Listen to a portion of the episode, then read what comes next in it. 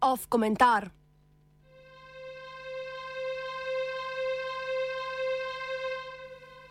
Notranje zadeve na čakanju.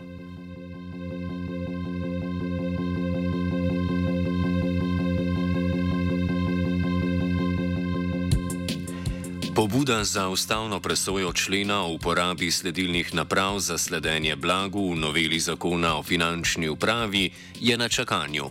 Lahko bi jo podali že sami poslanci Gibanja Svoboda in Levice, ki so se predvsem za voljo videza stabilnosti koalicije odločili novelo spraviti skozi državni zbor, če tudi sami niso prepričani o njeni legalnosti. Vendar je premijer Robert Golob tretjino poslanskih glasov pod pobudo javno zahteval še od socialnih demokratov, da bi pokazal, se, kakor se je izrazil, da so kot koalicija enotni, čeprav mogoče včasih tako ne izgleda.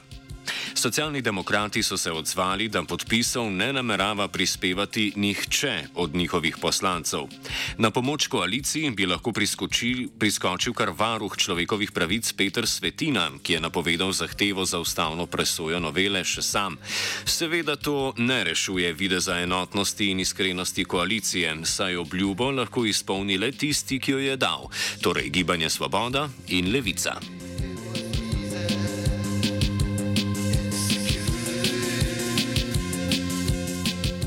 Odločitev levice za podporo noveli zakona o finančni upravi, kot je ugotovil že Tomaš Zanjuk, pomeni, da se je levica premijeju in politikam največje vladne stranke povsem podredila. Tudi sicer postaja stapljanje levice z ministrstvi, ki jih vodi, vsak dan vidnejše.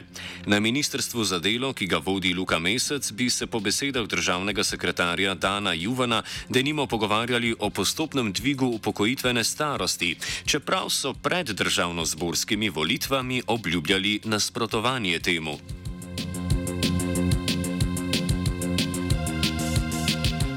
Za razliko od levice, socialni demokrati nadaljujejo s politiko, ki jo zagovarjajo že dolgo. Gre za politiko čistega pragmatizma in oportunizma, katerih največja moč je čista izpraznjenost vsake vsebine.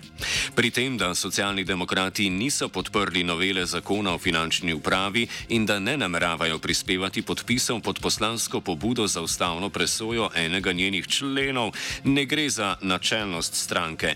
Gre le za izrabo situacije, da bi bili videti načelni, v razmerju do gibanja Svoboda pa pridobili pogajalsko orodje pri drugih vprašanjih, ki ostajajo odprta.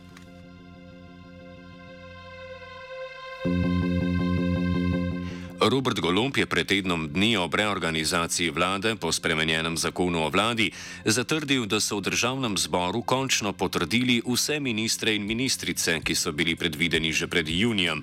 A trditev ne drži, saj notranja ministrica v reorganizirani vladi pač ni Tatjana Bobnar, ki je funkcijo opravljala le do 12. decembra.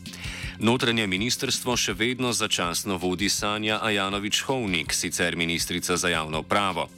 Odprto vprašanje, pri katerem bi svojo besedo zagotovo želeli imeti tudi socialni demokrati, je torej, kaj bo z notranjim ministrstvom in kdo ga bo prevzel.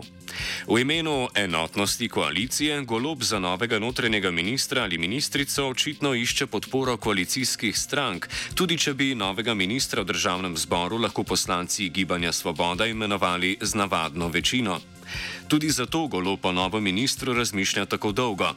Na notranjem ministrstvu so medtem spremembe, ki jih je obljubljala Tatjana Bobnar, zastale.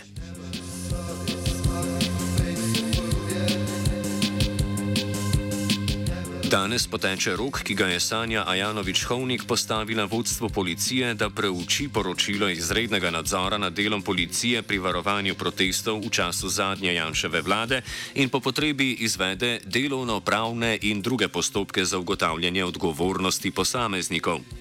Kot so iz neuradnih virov izvedeli na časniku Dnevnik, zaradi ugotovitev nadzora nihče ne bo izgubil službe, prav tako pa nihče ne bo prejel opozorila pred odpovedjo.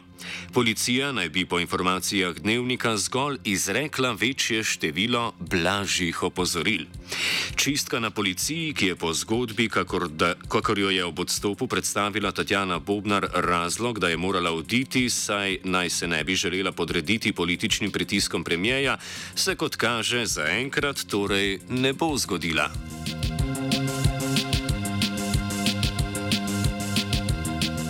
Zgodba, ki je v podstopu Tatjane Bobnar v medijskem viharju ostala neproblematizirana, pa je delo nekdanje, začasne in prihodnih ministric na področju obljubljene spremembe azilne in migracijske politike. Pri tem se je Tatjana Bobnar vsaj deklarativno nameravala držati spoštovanja človekovih pravic in v največji meri napovedala upoštevanje priporočil nadzornih institucij, kot je varuh človekovih pravic.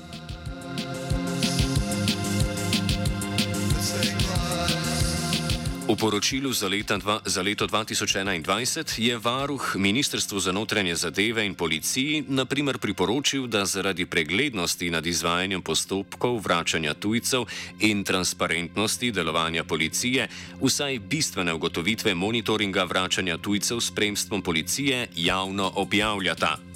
Leto prej je varuh vladi priporočil naj zagotovi, da imajo vsi iskalci mednarodne zaščite dostop do postopka mednarodne zaščite v skladu z mednarodnim pravom. Vsem pristojnim organom je priporočil naj zagotovijo, da Republika Slovenija tujih državljanov ne vrača v druge države, ne da bi jim zagotovili postopkovne varovalke pred vračanjem, ki bi lahko vodilo v nevarnost kršitev njihovih človekovih pravic v državi, kamor bi bili neposredno ali posredno vrnjeni.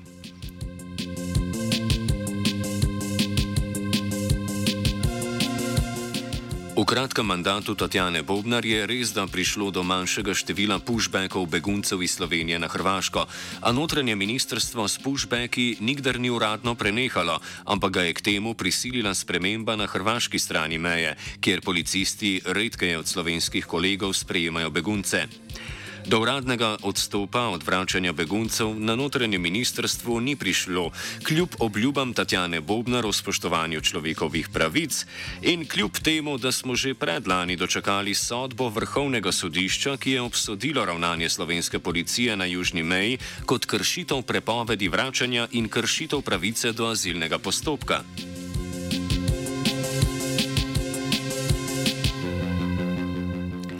V mandatu Tatjane Bobnar ni bilo premikov pri spremembi zakona o tujcih in zakona o mednarodni zaščiti, ki jo je Janševa vlada naredila dodatno diskriminatorna do tujcev, od famozne opredelitve pojma kompleksne krize na področju migracij do omejitve gibanja prosilcev za azil na občino začasnega prebivanja.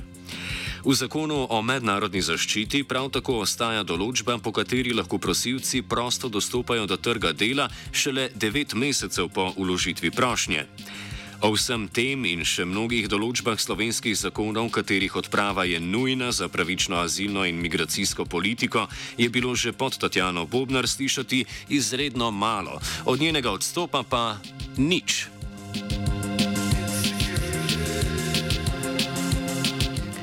Na vladi se je pred dvema tednoma sicer prvič sestala delovna skupina za pripravo vladne strategije na področju migracij, ki jo vodi državni sekretar in eden neuradnih kandidatov za notranjega ministra Branko Lobnikar. Nova strategija ne napoveduje nič zares novega. Zakonite migracije, učinkovito integracijo v družbo, preprečevanje nezakonitih migracij in učinkovite postopke mednarodne zaščite ob spoštovanju človekovih pravic. Ob strategiji pa so napovedali tudi spremembe zakona o tujcih. Po nujnem postopku bi spremenili zgolj nekaj administrativnih zadev na upravnih enotah, s tem pa naj bi omogočili hitrejše vodenje postopkov izdaje dovoljen za prebivanje in potrdil o prijavi prebivanja. Kot so sporočili na ministrstvu, pripravljajo tudi spremembe zakona o tujcih, ki naj bi jih po rednem postopku sprejeli do konca letošnjega leta. Med po njihovem poglavitnimi rešitvami novele zakona niso omenili prav nobenega od področji, na katerih so rešitve najbolj nujne. Poglavitna rešitev je po sporočilu ministrstva že priznavanje poklicnih izkušenj tujcev.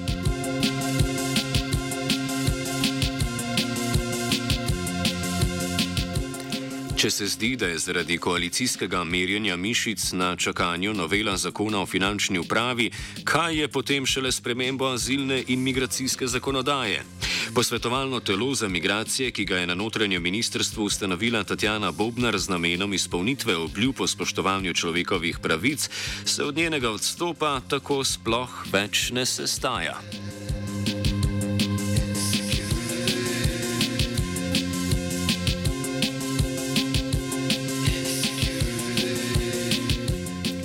Komentiral je Martin. Poslušate Radio Student.